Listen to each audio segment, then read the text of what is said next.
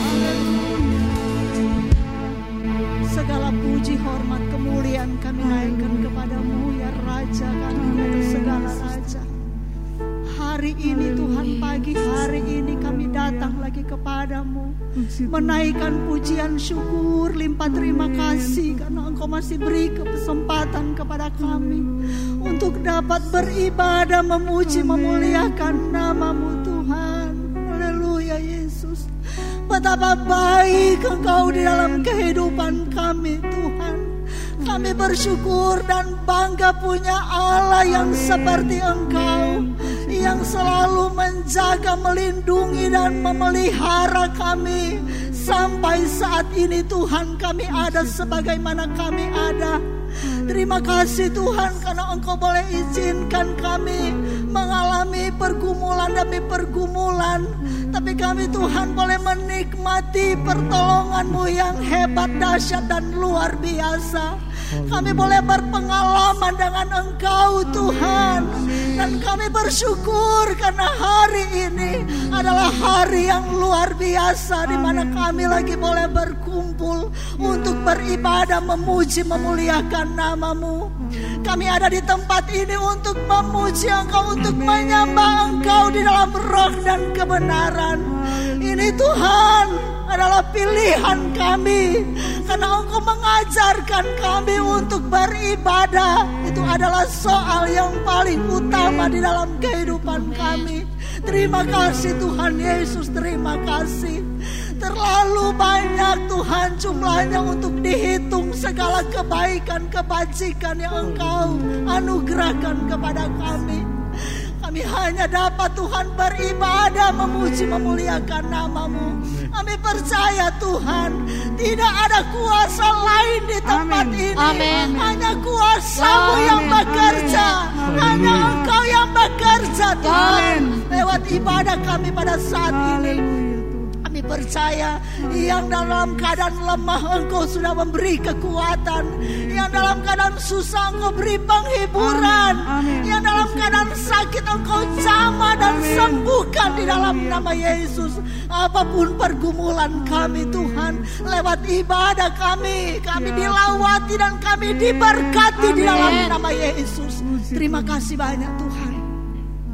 semua pelayan-pelayan hamba-hambamu yang kau percayakan melayani pekerjaanmu pada saat ini. Biar kami ada di dalam kekudusanmu, Yesus. Untuk kami layak dan berkenan kepadamu. Karena kami menyadari kalau engkau masih gunakan kami, engkau masih percayakan untuk melayani pekerjaanmu. Ini hanya kasih karunia dari Tuhan. Terima kasih Tuhan, terima kasih. Kami mau serahkan ibadah ini dari awal sampai pada selesainya. Biar Tuhan punya nama saja yang yang dipuji dan dimuliakan. Haleluya Yesus, haleluya. Dan kami percaya Tuhan, dalam nama Yesus kami mau beribadah dan iblis dikalahkan, kuasanya dihancurkan, Amin. kemenangan jadi bagian kami. Kami mau buka, kami tabiskan ibadah kami ya, pada saat ini bukan dengan nama lain, tapi hanya di dalam satu nama, di dalam nama Tuhan Yesus Kristus, Juru Selamat kekasih kami. Semua yang percaya dan diberkati, mari sama-sama katakan Amin. Amin. Puji Tuhan.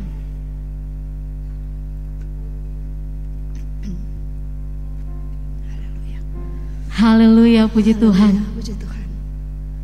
Jemaat Immanuel yang diberkati Tuhan, haleluya. Bapak Ibu, saudara-saudaraku yang diberkati Tuhan, haleluya, puji Tuhan. Sebelum kita akan lanjut untuk memuji dan memuliakan Tuhan, saya rindu menyapa kita semua. Engkau yang ada di rumah, di mana pun engkau berada yang dapat menyaksikan ibadah di saat ini. Apa kabarmu pagi hari ini? Luar biasa, sebab Yesusku dahsyat, hebat dan luar biasa. Haleluya. Puji Tuhan. Immanuel, Tuhan bekerja, Tuhan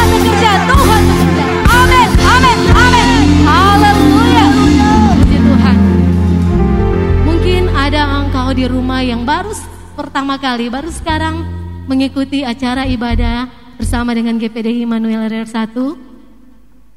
Yel-yel ini sudah sangat memberkati kami. Tuhan yang kita sembah, Tuhan yang dahsyat, hebat dan luar biasa. Dia bekerja di tengah-tengah keluarga Immanuel dan bekerja di mana pun engkau berada saat ini. Memberkati, memulihkan kehidupanmu. Karena itu pagi hari ini saya percaya Tuhan bekerja di tempat ini dan di tempat di mana engkau berada. Mari kita mau mengagungkan Allah mana seperti Allahku tidak ada. Haleluya. Puji Tuhan.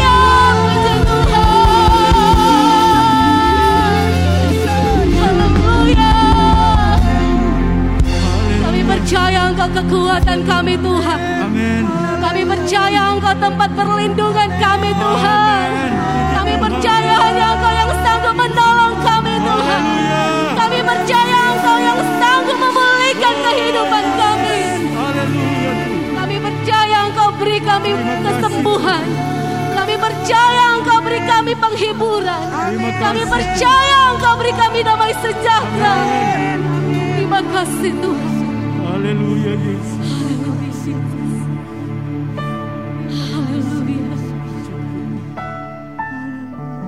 Terima kasih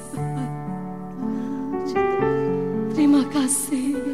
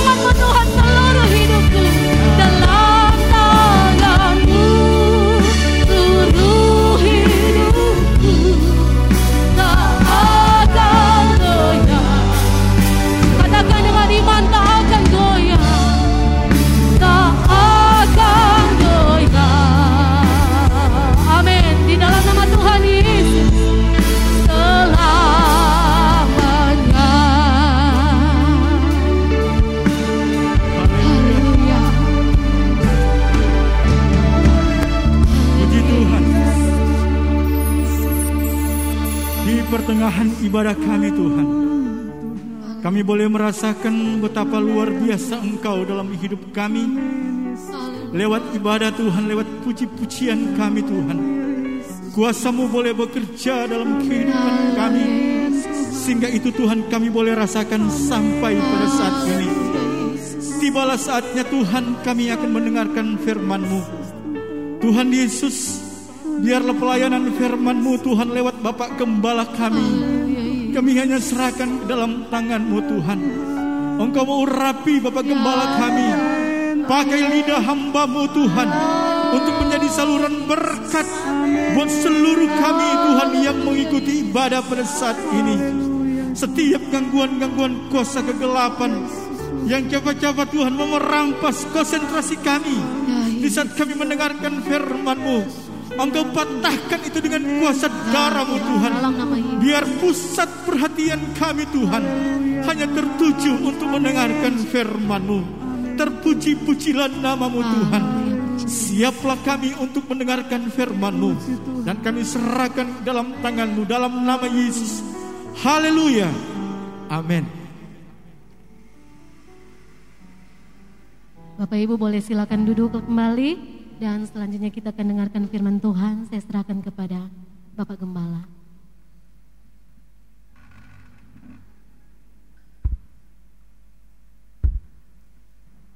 Haleluya.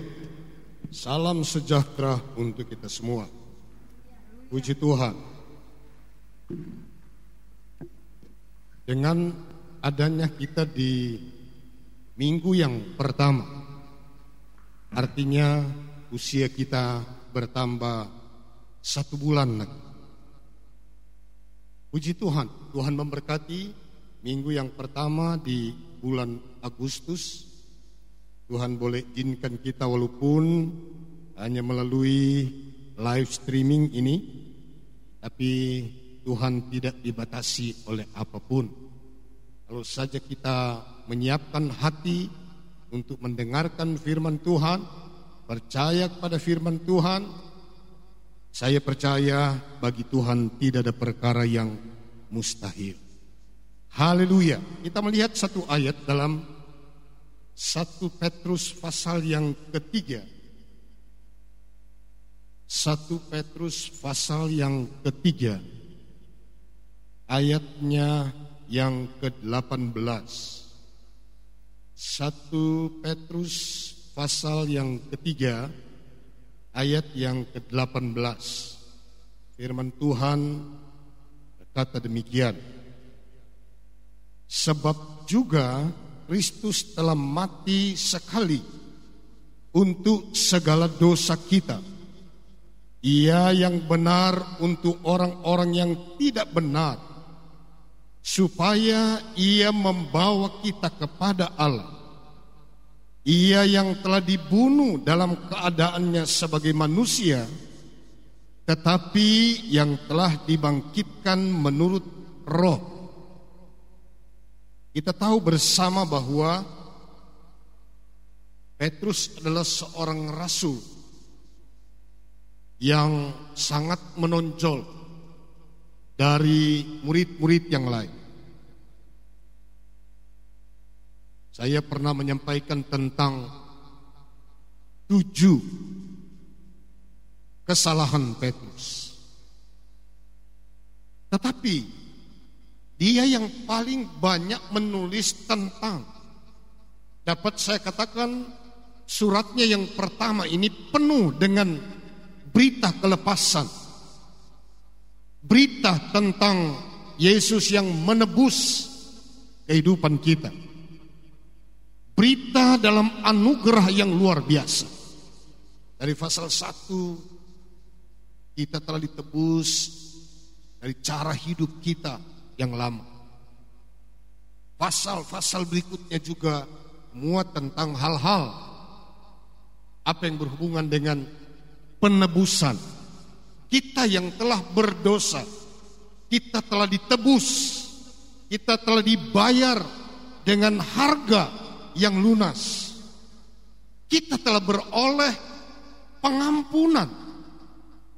Karena di dalam ayat yang ke-18 pasal yang ketiga sebab juga Kristus telah mati sekali untuk segala dosa kita.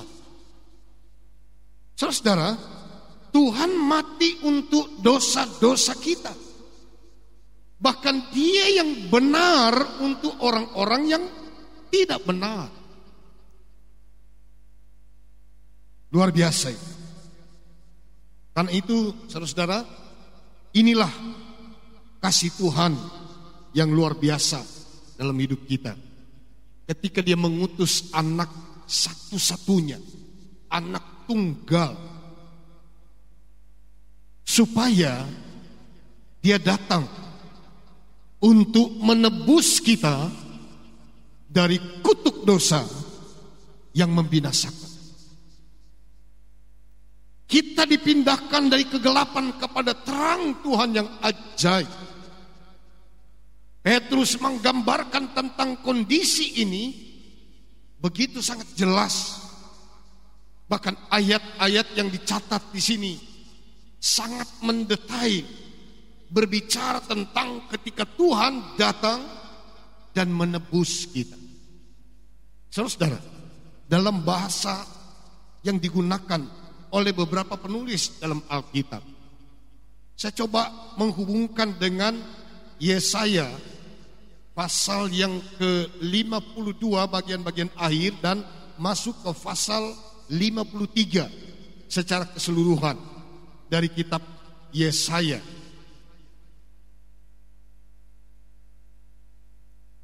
Ayat 1 di pasal yang ke-53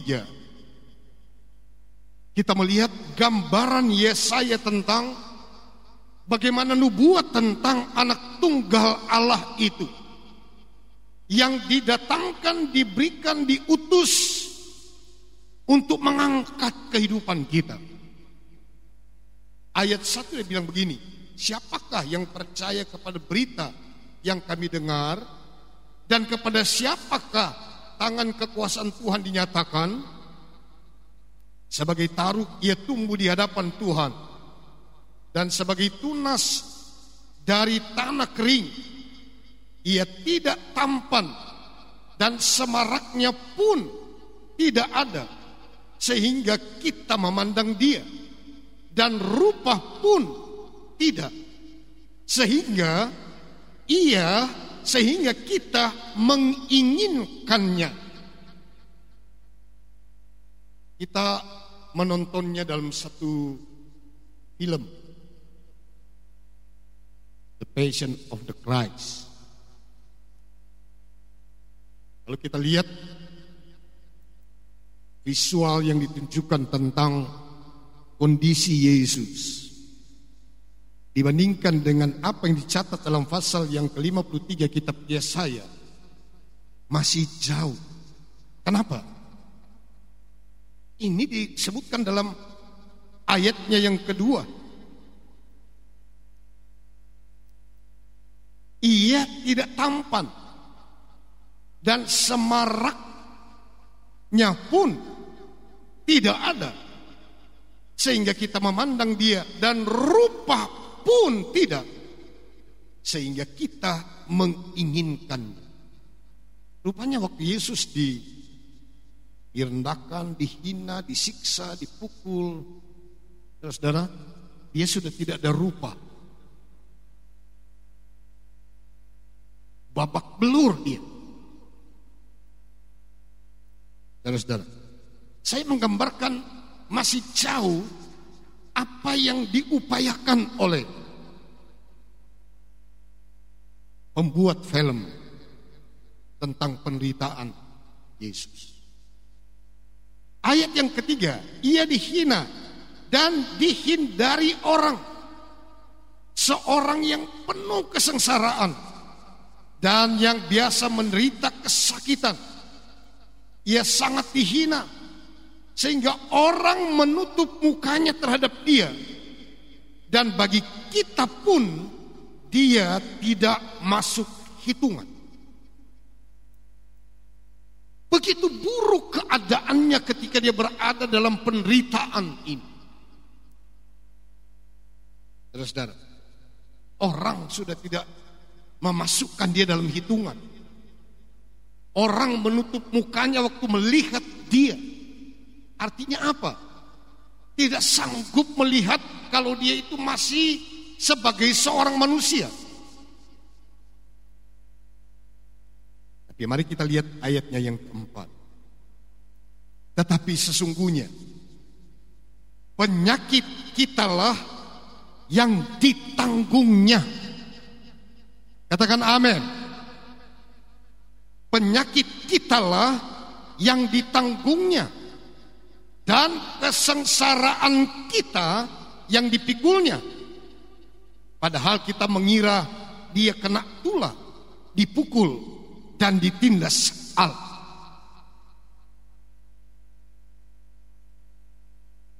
Engkau yang sakit, percayalah. Penyakit kitalah yang ditanggungnya. Kita sekarang berada di pandemi COVID-19. Banyak orang yang bukan cuma takut, lebih dari takut. Banyak orang yang khawatir, cemas, dalam kebimbangan, dalam ketidakpastian. Orang sekarang dalam keadaan murung, sedih, susah. Tapi saya mau mengajak kita, ketika saudara mendengarkan firman Tuhan, buatlah hatimu gembira. Haleluya. Tersenyumlah. Karena Yesus yang membuat kita bahagia. Penyakit kitalah yang ditanggungnya. Kita boleh sakit. Tetapi Tuhan menyembuhkan. Saya banyak kali mengatakan di waktu-waktu yang lampau.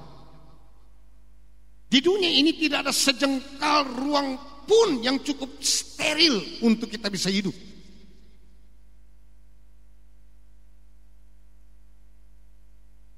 Banyak virus, bakteri yang tidak dapat kita lihat dengan kasat mata. Mungkin yang bertebaran di mana-mana. Sehingga membuat banyak orang takut keluar rumah. Saudara-saudara percayalah kepada Tuhan bahwa penyakit kitalah yang ditanggungnya. Ketika dia menderita, artinya dia mengangkat penyakit kita. Dan kesengsaraan kitalah yang dipikulnya. Tetapi dia tertikam oleh karena pemberontakan kita. Ia tertikam oleh karena pemberontakan kita. Ia diremukkan oleh karena kejahatan kita. Ganjaran yang mendatangkan keselamatan bagi kita ditimpakan kepadanya. Lihat kalimat berikutnya dan oleh bilur-bilurnya kita menjadi sembuh. Di satu sisi penderitaannya sangat membuat orang terharu. Tapi justru Alkitab berkata, oleh bilurnya, bilur itu adalah bengkak, bekas pukulan, benda keras, bahkan luka-luka yang terjadi karena penderitaan, karena pukulan. Saudara, sangat mengharukan. Tapi justru oleh bilur-bilurnya kita menjadi sembuh. Yang percaya katakan amin. Yang sakit katakan oleh bilur Yesus aku sembuh. Yang sakit katakan dia yang telah menanggung penyakit kita. Haleluya. Sebenarnya saudara-saudara, kesanggupan Tuhan itu bukan cuma pada batas kesanggupan orang. Orang bisa sembuh dalam penyakit apa pun. Banyak catatan mujizat yang terjadi dalam Alkitab. Orang-orang yang sakit dengan berbagai penyakit. Penyakit-penyakit yang sangat menakutkan. Termasuk di zaman itu penyakit kusta. Orang diasingkan, orang dijauhkan dari masyarakat umum. Saudara, tetapi apakah cuma sebatas menyembuhkan orang? kemampuan Yesus, ketuhanan Yesus. Tapi yang paling utama disebutkan bahwa Dia telah menebus kita dari dosa. Haleluya. Ini yang orang banyak lupa. Banyak orang mengejar kesembuhan. Tapi tidak memahami bahwa nilai hidup ketika Tuhan menebus kita jauh lebih indah daripada kita sekedar disembuhkan dari sakit. Oleh bilur-bilurnya kita menjadi sembuh. Petrus menulis ini dalam pasal yang kedua, surat yang pertama. Surat Petrus yang pertama.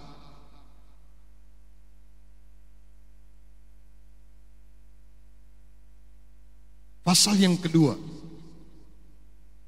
Ayatnya yang ke-24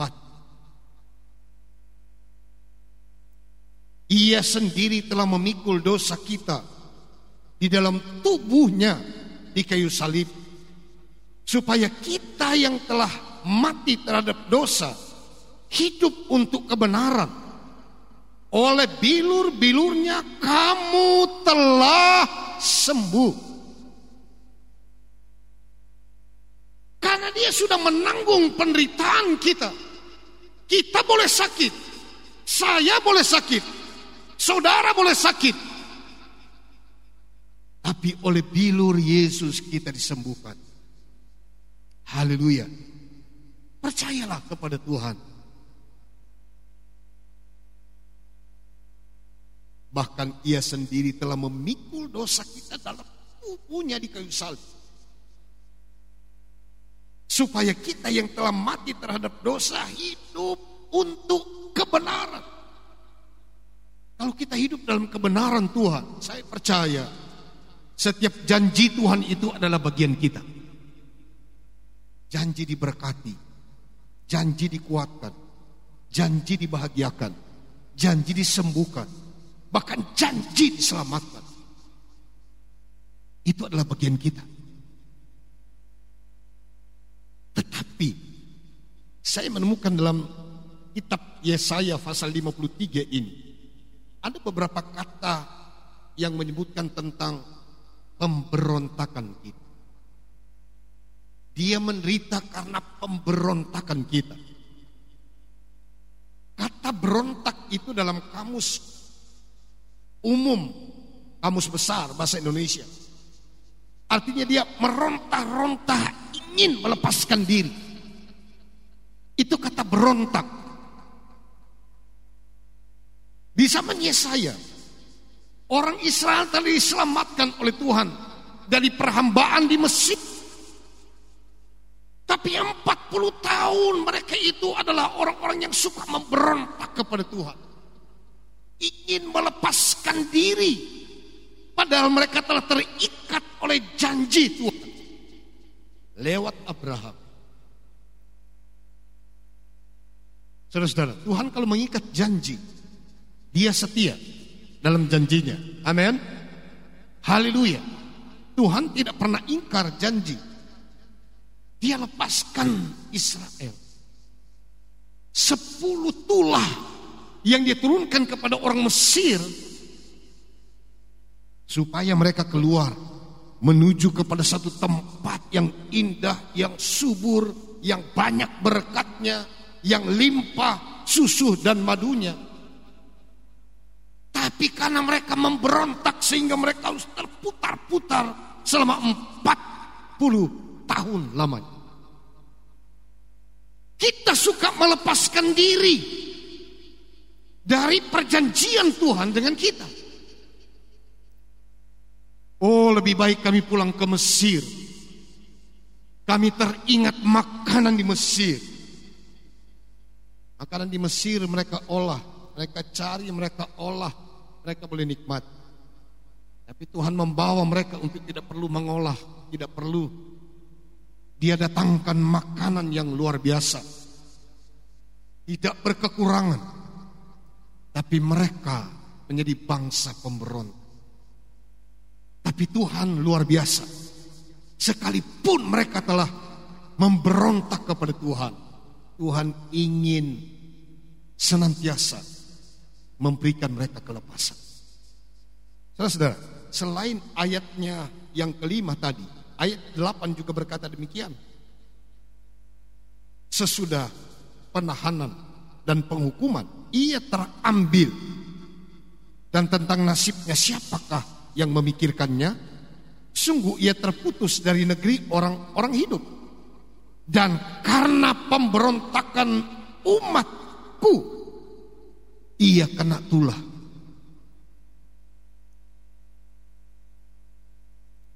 Biasanya orang disebut pahlawan kalau dia bisa membela orang yang benar. Betul saudara? Kalau orang benar, kalau orang baik, yang kita bela, kita seperti pahlawan. Tapi Tuhan bukan membela orang-orang yang benar. Tapi dia berjuang untuk orang-orang yang berdosa, termasuk umat Tuhan yang disebutkan pemberontak. Karena pemberontakan umatku, ia kena tulah. Saudara, luar biasa. Dia berjuang untuk orang-orang yang memberontak. Bahkan ayat yang ke-12 Sebab itu aku akan membagikan kepadanya orang-orang besar sebagai rampasan. Dan ia akan memperoleh orang-orang kuat sebagai jarahan. Yaitu sebagai ganti karena ia telah menyerahkan nyawanya ke dalam maut. Dan karena ia terhitung di antara pemberontak-pemberontak. Luar biasa ini. Kalimat berikutnya dikatakan begini. Sekalipun ia menanggung dosa banyak orang dan berdoa untuk pemberontak-pemberontak. Ironis saudara. Sebagai Tuhan, sebagai Allah, dia berdoa untuk pemberontak-pemberontak. Adalah simnya manusia kalau dia sudah melakukan kesalahan Kadang-kadang kita tidak memberi dia kesempatan kedua. Haleluya. Allah kita mulai menghakimi dia. Dan kita menuduh dia seumur hidup. Tapi luar biasa itu. Yesus yang mati karena orang-orang berdosa. Tapi dia berdoa untuk orang-orang berdosa. Di salib dia mengatakan, Bapa, ampunilah mereka. Ini yang sulit. Ketika Anda sedang menderita, karena engkau direndahkan, dihina, dijelekkan. Saudara, sulit bagi kita. Kalau kita bisa berkata, Tuhan ampunilah Justru sebaliknya. Kita mengharapkan kalau boleh dikena celaka. Kalau boleh dia begini, kalau boleh dia begini. Semua menuju kepada hal-hal negatif. Tapi lihat kehebatan nubuat Yesaya tentang Yesus. Dia mendoakan para pemberontak-pemberontak. Bahkan Yohanes Dalam pasal 1 Injil Yohanes pasal 1 ayat 29 keesokan harinya dia melihat Yesus lewat dan dia mengatakan lihatlah anak domba Allah yang menghapus dosa isi dunia. Dalam terjemahan baru dia menggunakan kata menghapus. Tapi dalam terjemahan lama dia menggunakan kata mengangkut. Lihat anak domba Allah yang mengangkut dosa isi dunia. Karena itu dalam Filipi yang kedua dikatakan bahwa hendaklah kita seperti perasaan yang terdapat dalam Kristus dan seterusnya dikatakan ayat yang ketujuh ia telah mengosongkan dirinya para teolog menyebutkan ketika dia mengosongkan dirinya dia mempersiapkan satu tempat di mana untuk menaruh dosa isi dunia Tetapi ketika dia mengosongkan dirinya, ia melepaskan semua atribut kealahan yang ada padanya.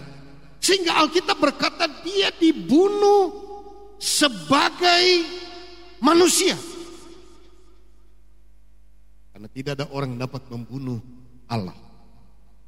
Ayat pokok kita tadi menyebutkan bahwa di ayatnya yang ke-18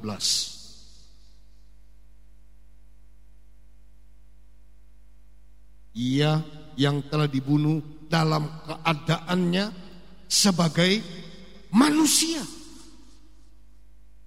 Tetapi yang telah dibangkitkan menurut roh. Dia dibunuh dalam keadaannya sebagai manusia. Dia dibunuh bukan karena dia Allah. Bukan karena dia Tuhan. Tapi dalam keadaannya sebagai manusia. Saudara-saudara, dia melakukan ini untuk mengangkut dosa kita ini penting. Daripada kita sekedar mengejar kesembuhan dari sakit. Pastikan bahwa dosamu telah diangkut oleh Tuhan. Katakan amin. Saudara-saudara.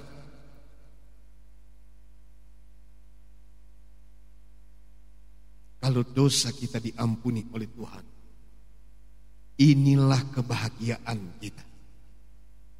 Inilah sukacita kita. Haleluya. Puji Tuhan. Inilah kegembiraan kita. Ketika kita tidak jadi dihukum.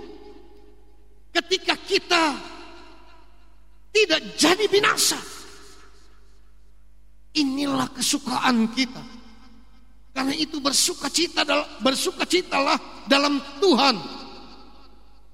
Sekali lagi aku katakan bersukacitalah. Karena dosa-dosa kita diampuni oleh Tuhan. Haleluya. Kalau dosa diampuni, kita gampang mengalami apa yang namanya mujizat. Termasuk mujizat kesembuhan. Terus saya baru mengalami mujizat kesembuhan. Saya di, diselamatkan melalui mujizat. Empat dokter yang analisa penyakit saya. Kesimpulan akhir pembusukan usus harus dioperasi tahun 79 itu biaya panjar operasi itu 600 ribu tahun 79 saya umur 18 tahun tapi dari situ saya mulai percaya kepada Tuhan. Bahwa bagi Tuhan tidak ada yang mustahil. Saudara-saudara sekalian, dua minggu dirawat di rumah sakit. Tidak ada orang yang besuk. Tapi di situ saya alami mujizat Tuhan. Tanpa operasi. Tuhan sembuhkan saya. Saya baru tahu ayat-ayat ini bahwa oleh bilurnya kita telah sembuh. Penyakit kitalah yang ditanggungnya. Haleluya. Karena itu saya mengatakan bahwa kita perlu selalu dalam suasana kegembiraan. Ada satu topik khotbah melalui seorang teman saya di postingannya di WhatsApp. Dia bilang bergembira dalam situasi yang sulit. Bergembira dalam situasi yang sulit. Kita sulit hari-hari ini. Alkitab mengatakan, marilah kita bekerja selagi siang. Karena malam akan datang. Dulu saya merenung, apakah malam itu akan menjadi gelap? Tapi sekarang baru saya mengerti, seolah-olah kita sedang berada dalam keadaan suasana menuju kepada gelap malam. Di mana tidak ada orang lagi yang bisa bekerja. Lihat, semua sekarang dilakukan dari rumah. Orang-orang kantoran, pegawai, karyawan swasta, dan lain sebagainya dibatasi. Ada yang cuma 25 persen, ada yang 50 persen. Tapi ada bagian-bagian vital yang harus 100 persen.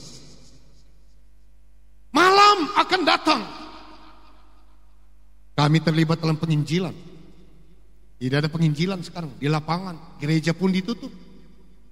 Pertemuan seperti sekarang ini dalam program pemerintah untuk PPKM.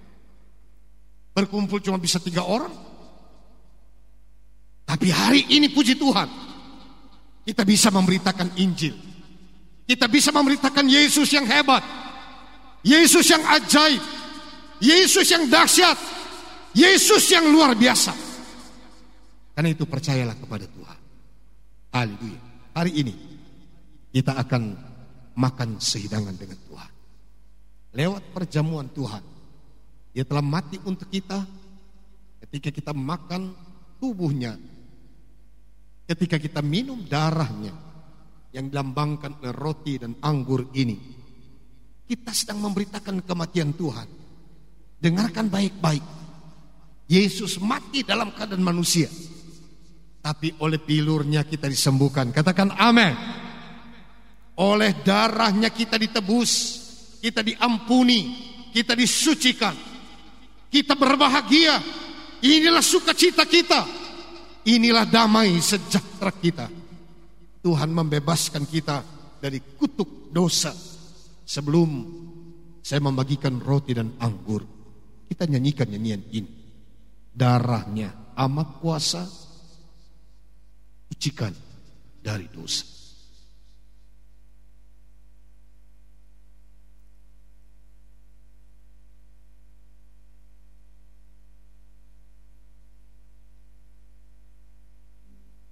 Darahnya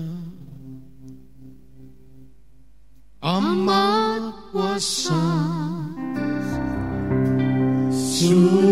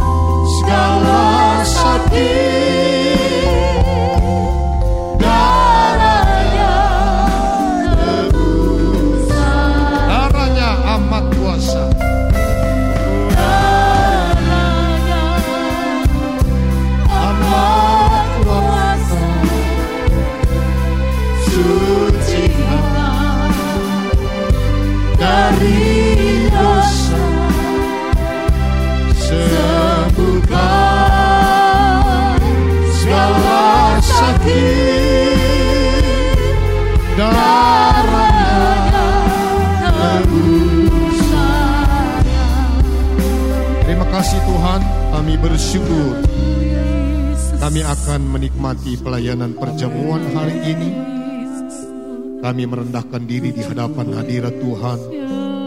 Karena hanya oleh kasih karuniamu Tuhan, Engkau datang merendahkan diri, bahkan Engkau menderita karena kami. Engkau disakiti karena kami. Engkau mati di kayu salib karena kami. Tetapi kuasa Tuhan telah membangkitkan sehingga kami hidup dalam kemenangan. Hari ini kami memberitakan tentang kematian Tuhan. Ketika kami makan dan minum perjamuan Tuhan, kami ingat bahwa Tuhan membebaskan kami dari dosa. Tuhan membebaskan kami dari kutuk dosa. Tuhan telah menyelamatkan kami dari kebinasaan. Dan Tuhan telah memberikan jaminan-jaminan hidup yang indah. Kami dipulihkan, kami disembuhkan, Amin. Kami dijadikan baru. Kami berjalan dalam anugerah keselamatan. Karena itu Tuhan, kami bersyukur karena Tuhan mati dan bangkit bagi kami. Bahkan oleh bilurmu kami disembuhkan. Penyakit kamilah yang ditanggung oleh Tuhan.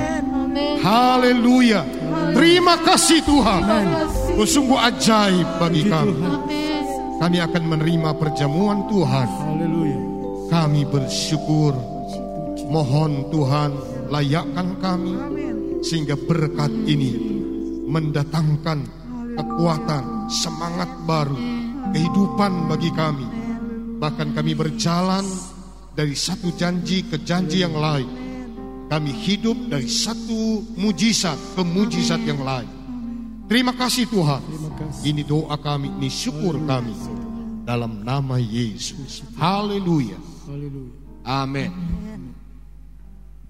Darahnya amat kuasa. Caranya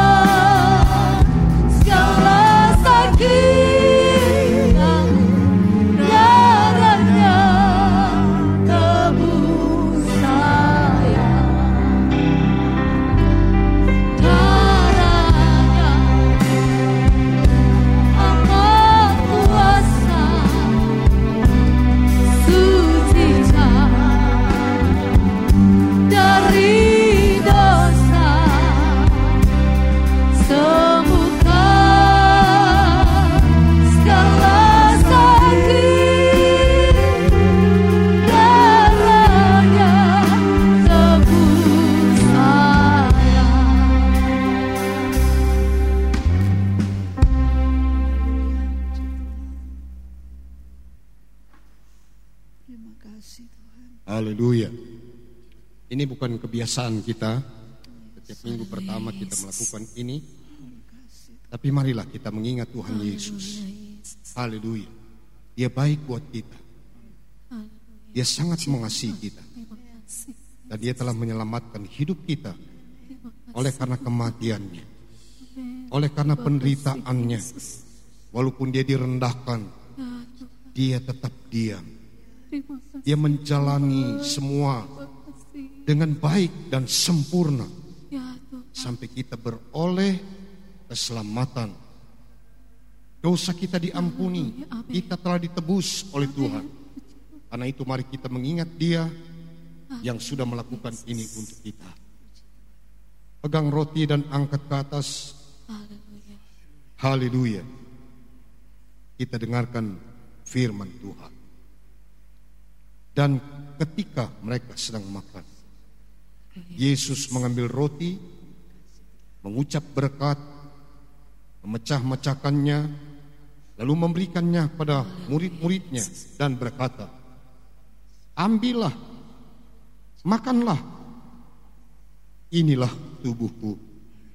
Haleluya. Kita makan sambil percaya dalam nama Tuhan Yesus Kristus. Haleluya.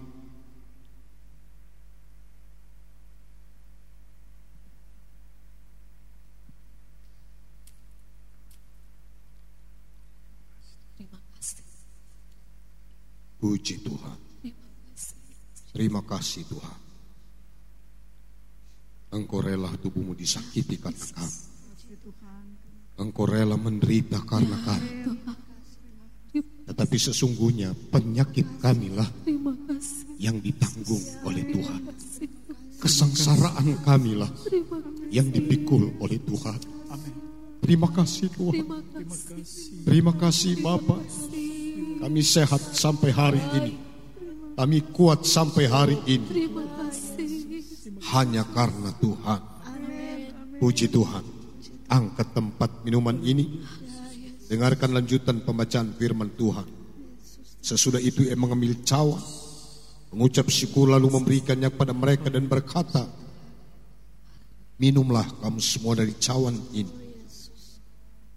Sebab inilah darahku darah perjanjian yang ditumpahkan bagi banyak orang untuk pengampunan dosa. Haleluya. Kita minum sambil percaya dalam nama Yesus.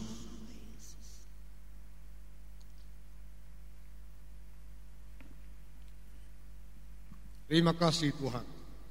Terpujilah namamu. Terima kasih. Terima kasih Tuhan. Dosa kami diampuni. Terima kasih Tuhan. Kami berjalan dalam anugerah keselamatan. Terima kasih Tuhan.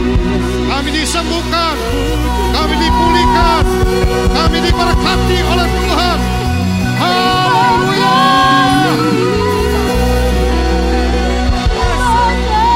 Oh, segala kemuliaan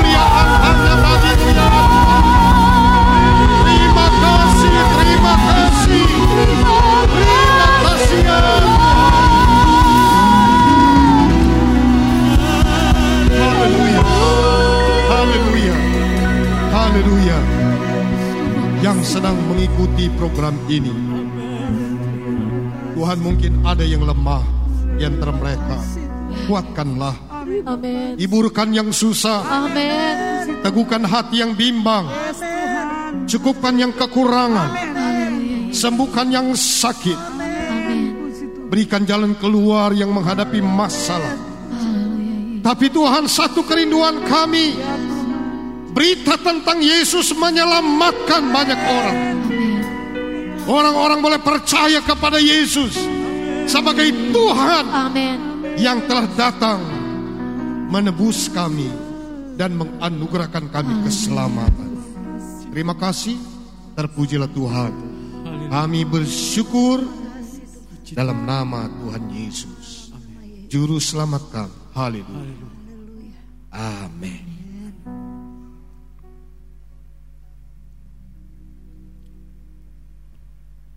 Haleluya,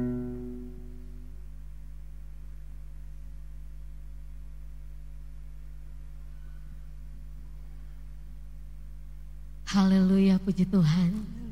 Berapa banyak yang diberkati pagi hari ini, mari lambaikan tanganmu. Haleluya, puji Tuhan. Haleluya. Tuhan Yesus baik, haleluya, puji Tuhan. Saya percaya Tuhan bekerja di tempat ini. Tuhan bekerja di mana engkau berada, memberkati dan memulihkan keadaan kita semua. Haleluya, Haleluya. puji Tuhan. Puji Tuhan. Sambil Bapak Ibu mempersiapkan korban persembahan, kita memuji Tuhan. Haleluya, puji Tuhan.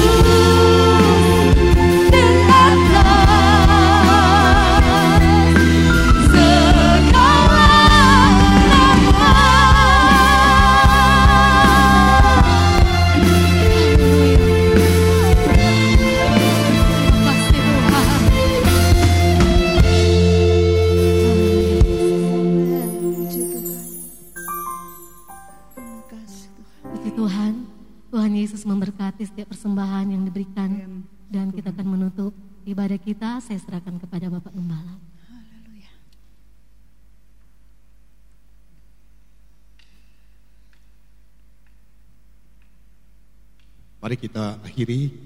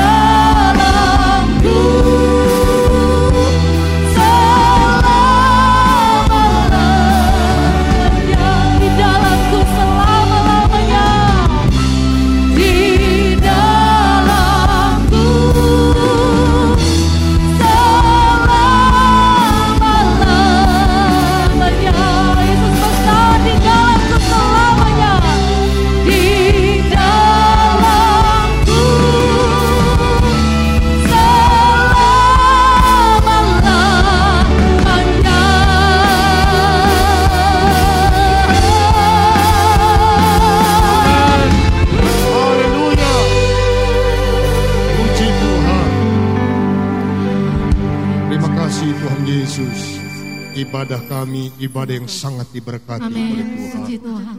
Kami merasakan berkat-berkat Tuhan bagi kami. Sampai pada akhir ibadah ini, bahkan selamanya Engkau tetap Allah bagi kami yang tidak pernah berubah.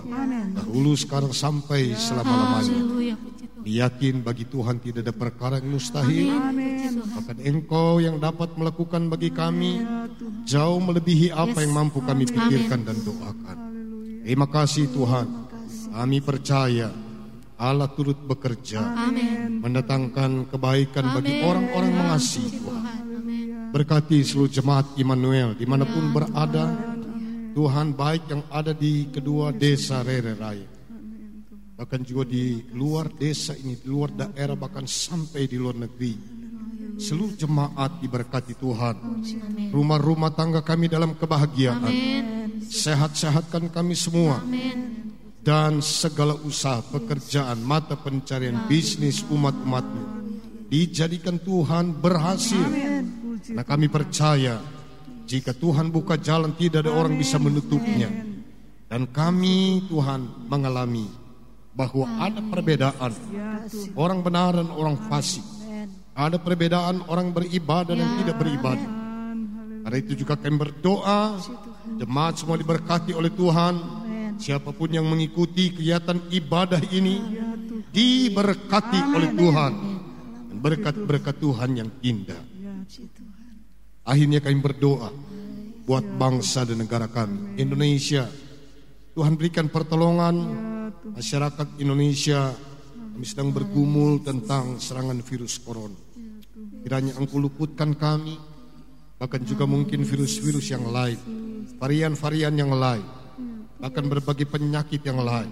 Iya Tuhan kiranya Engkau sembuhkan, Engkau nyatakan mujizatmu di tengah-tengah bangsa ini. Tolonglah semua kebijakan pemerintah kami, baik pemerintah di pusat, di daerah, bahkan sampai di desa-desa. Kiranya Engkau memberikan hikmat yang baik. Pemerintah kami dipakai oleh Tuhan untuk kesejahteraan bangsa, untuk keamanan negara ini, dan untuk juga supaya kami boleh bebas melakukan apa pun yang dapat kami lakukan terutama dalam hal ibadah kami kepada Tuhan. Terima kasih Bapa, karena itu kami menyerahkan bangsa ini ke dalam tangan. Kiranya Tuhan memberkati masyarakat dan pemerintah dalam kasih karunia Tuhan. Ini doa kami Tuhan. Kami bersyukur kami akhiri ibadah ini dalam nama Tuhan Yesus Kristus. Haleluya. Saudara-saudara, terimalah berkat kasih karunia dari Allah Bapa kita di sorga. Kemurahan dari Tuhan Yesus Kristus dan persekutuan Roh Kudus menyertai kita hari ini bahkan sampai Marnata Tuhan datang kembali kita tetap taat dan setia kepadanya hanya di dalam nama Tuhan Yesus Kristus haleluya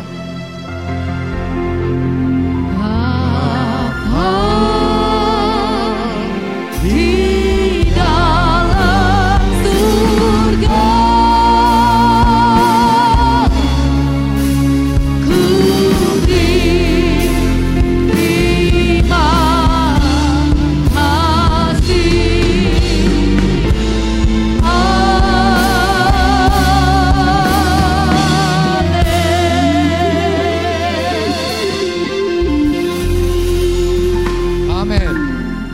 Puji Tuhan. Immanuel, Tuhan memberkati.